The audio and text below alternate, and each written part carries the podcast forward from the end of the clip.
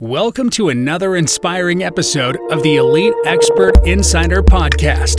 Hosts Melanie Johnson and Jen Foster are the owners of Elite Online Publishing. They're both Wall Street Journal, USA Today best-selling authors. We're really glad you're here because this podcast was designed for you. Meet industry experts that share their secrets and strategies. Get successful results for your business in money, relationships, health, and your life. Each episode is going to inspire you to take action towards reaching your greatness. Hey, good morning and welcome, or good afternoon, wherever you are, or even evening where you're listening.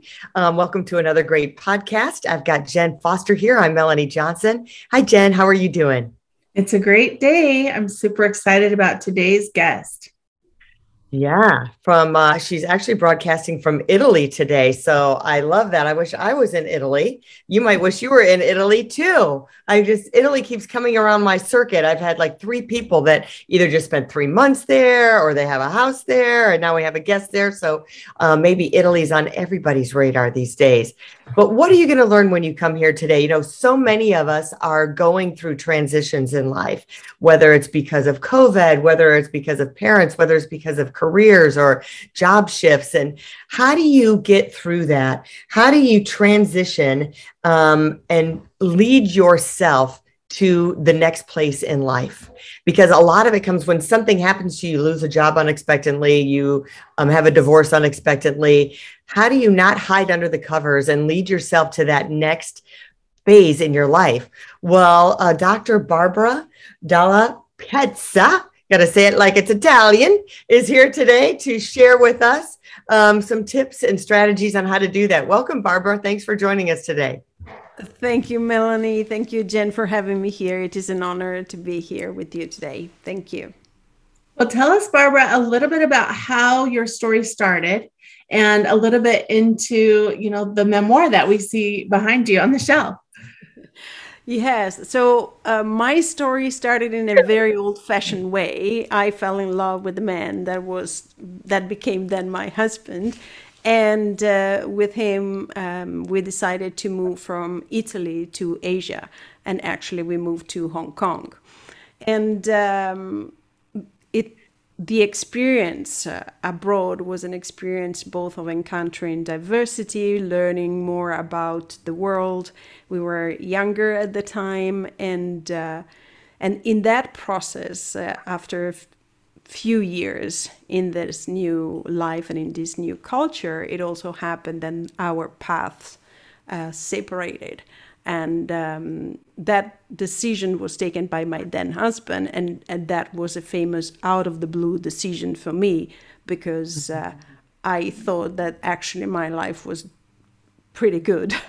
and uh, I thought that uh, I was on top of it, but in fact, I was not. And so the implosion of my marriage happened whilst I was abroad and whilst I was building my uh, career and I was uh, uh, encountering the world. And that is a new chapter that opened up and changed completely the course of my life. And that is what is in my memoir, The Unexpected Gift. Yeah. And it was just, you were just blindsided, right? Like you had no idea. It, I, I had absolutely no idea. And uh, um, I am a philosopher I'm trained as a philosopher. My PhD is in philosophy, so I'm used to investigate uh, uh, reality. I love to. I'm very curious about uh, people's dynamics. I'm I'm questioning a lot of things. So I thought that I was on top of my life for sure, and uh, I did not expect this to happen our relationship was good according to me and uh, apart from the ups and downs that all relationship have but for sure it was not a situation where i would thought okay here we go and it's going to uh, we are going to break up and so it was a shock when my husband then husband uh, came to me the very same day I was awarded my PhD. And instead of a big party that I was expecting, actually, uh, he delivered the news that he wouldn't wasn't sure that he wanted to continue with the marriage and that was a shock a double shock because instead of i was all geared up for for a celebration and instead i had to use all my positive energy uh, to um, absorb that information. So it was really out of the blue, and uh, um, it completely it completely shattered my world and uh, turned it upside down in the one minute. The time needed for him to say, "I'm not sure I want to continue with this marriage." That was the time needed for my life to completely change in a moment. And how do you go from that traumatic thing? It's like someone just took a, a baseball bat almost to your life and um, it crushes down everything finances, where you're going to live, everything gets changed. Um, how do you? Um, how do you get to the survival and thriving mode because so many people men or women when things like that happen you really just want to hide under the covers and not come up um, so how, how do you do that uh, well, out of that experience, I did develop what I call the seven steps to the gift, uh, which are the steps I realized I went through in many years to overcome and transform the situation. I remember clearly that um, my decision was not to give in to the situation. So I didn't know how I would have moved from that space and from that side of pain. I didn't know what uh, would the future look like. I didn't even know what would have happened and how technically the whole situation would have unfolded. But one thing I was sure about, which is uh, I did not want to give in to that traumatic situation.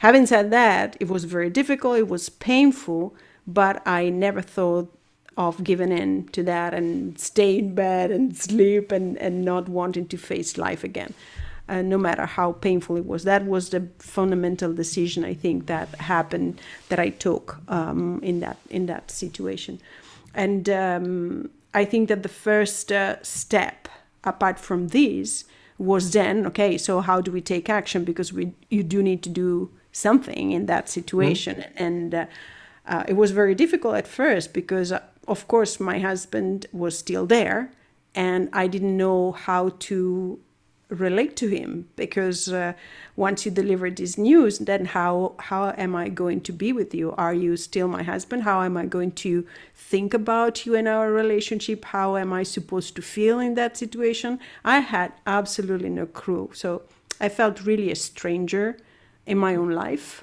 and uh, it was as i as if i was in a completely new home new house and I didn't know where things were, uh, where rooms were. It, it was really, really difficult. And so I needed courage to face what I didn't know.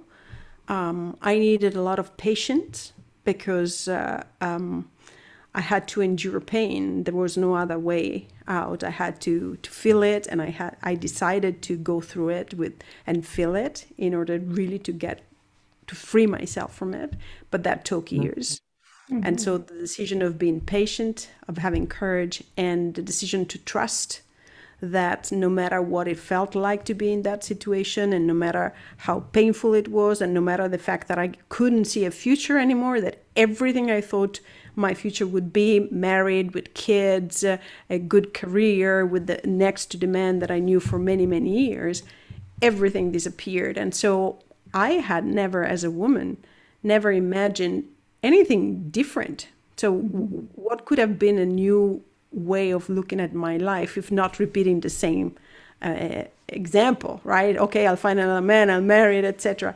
No, I, I didn't know how to think a new life and a different life, so I had to learn that. And in order to do that, I had also to re get acquainted with, with myself. So mm-hmm. if I am not that woman that will be married with kids and in that line of narrative mm-hmm. uh, who, who am i mm-hmm. yeah. who am i going to be as a woman also because culturally coming from italy given that we talked about italy before i don't want to generalize but from my environment that was the, the role models right for, mm-hmm. for, for, for mm-hmm. women and i i had no idea how to create a new one so it was a long process of discovering of many things. yeah. Well, I, I think it's interesting, like you were saying, you've got to have the courage and the trust and the trust in yourself, right? And and having that positivity to say, okay, this is a blank canvas. I get to start fresh. Like that I think is hard. I know Melanie and I both kind of went through some similar things as far as divorce goes. And you you are just kind of like, hey, I've never thought of my life without a husband, or I've never thought of my life what it would be like. Because you always have this picture perfect thought in your head of what your you know future is going to be. And then you're like, oh, wait, no, now it's blank, right? Now yeah. what? So how did you go from like where did you go from here? Did you leave China or what happened next? No, I did not because uh, that was another element of the experience. Um, I felt already I had lost my future at the way I wanted and the way I thought about it for for a long time. And leaving China and the idea of, for example, going back home because it, it, it appeared that it might have been easier Eventually, I decided not to do that at first because it felt like I would lose also the experience, the amazing experience I'm I'm having and I'm doing of being abroad. And so I made the difficult decision to stay and to restart from there. I was blessed with many people who loved me both at home and in there where I was.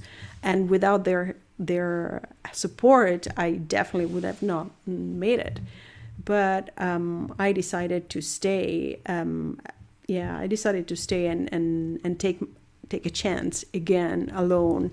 It was not what I imagined. I never imagined that mm-hmm. I would mm-hmm. have to look for an apartment, just simple things, an apartment for myself on the other side of the world.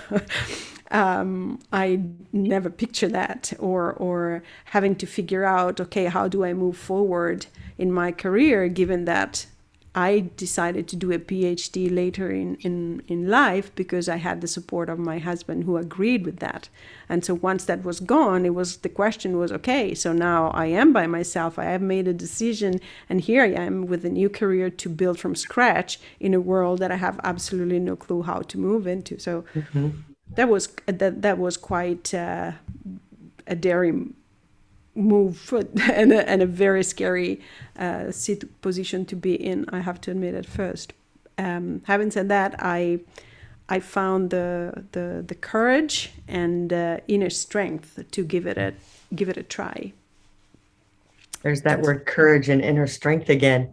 And you know, talk us. Let's talk a little bit about the book because so many people who've been through things.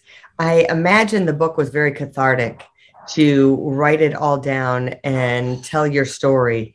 Um, how did that change you by doing that? You know, um, what I discovered is, first of all, that when I was going through this, I couldn't find any book that would show me a way of how to move into this into this experience and i couldn't find anybody that would tell me barbara don't worry everything will be all right so nobody was speaking from the future so so to speak. Mm-hmm. And so I thought, well, once this story is complete, I want to be that voice from the future and I will write how the story ends, at least for me. This is one one reason that, that made me write a book. The second reason is I realized that during the experience, the pain was so intense that I had an amazing lucidity in certain moments, and there was such powerful insights on on on what was going on, on on the nature of pain and how we can overcome it, that I decided, you know what, with the tiny little bit of energy I have left, I had it left in those moments, I always had something to write on because I wanted to capture those insights, and so I did. And uh, and then in time, I had many of those insights that when pain is not so intense, Mm-hmm. It is you don't see anymore, kind of right. So pain gave me some X-rays, and I thought that that was very, very powerful. And so I captured those insights, and eventually I decided, okay, now it's time to write a story. And I wanted to, and so I did, and I wrote it for people that now I, I can read at least one experience, and they can see from the future how it is going to one possibility, right? And for me, it was painful, yes, and at the same time, there are uh, it is a healing process, and so there are a lot of elements that um, that pertains not only to my personal experience, but actually to many people that go through traumatic events, no matter mm-hmm. if it is uh, a divorce or the loss of somebody we love. Um, it wanted to be my contribution to this experience. Yeah. And I think when we're in it, it is so easy to say, like, we're not going to be okay. Everything's horrible, you know, because you're in it and you're feeling all that pain. So that's great that you had the energy to write it some things down and the insights so that people can read your book and learn from that when they're going through these things. Because yeah. everyone's going through something, right? Yeah. So and, and I think that's wonderful. And and sorry to just wanted to add that um, what amazes me about this book is that people who read it, they somehow resonate with different bits of it. And it is amazing. It never happened to me before because it is as if everyone can see parts of their experience in it because it, it is so diverse in, in its components. And and it's incredible um, how they they they re- they report they feedback to me uh, how mm-hmm. much they could see themselves in that experience and how much they could uh, get out of what it is written there. And and that's to me is um, accomplishment. It is an accomplishment of the book uh, the contribution I think that I wanted to make. So that's great for me Well, tell us where um, we can find you and people can reach out to you. Um, on my website, which is my name, barbaradallepezze.com, and also on LinkedIn. I am active there, so you can connect with me on LinkedIn. Great. Well, we'll put the link up in the show notes as well as on the YouTube video. And that's Barbara, D A L L E P E Z Z E dot com. Awesome. Awesome. Awesome. Great. Thanks for coming, Barbara. I hope you enjoyed this little tidbit that we gave you. And remember to have courage and to get past whatever you're in because, like she said, there is a compelling future for you. Remember to subscribe to our podcast. Um, if you haven't already, we appreciate it if you do because we always have great shows here. So we'll see you next time. And if you're looking to publish your book and become a number one best-selling author, remember to reach out at us, reach out to us at eliteonlinepublishing.com. There's a submission form there. Just click that and fill out the information. We'll talk to you next time. Bye. Hey, are you looking to increase your revenue, build credibility, and elevate your brand? This podcast is brought to you by Elite Online Publishing, an innovative publishing and full spectrum marketing company. They will publish and market your book to make it a number one bestseller. Becoming an author is the best way to market your business. So contact them at eliteonlinepublishing.com today. All of their authors become number one bestsellers.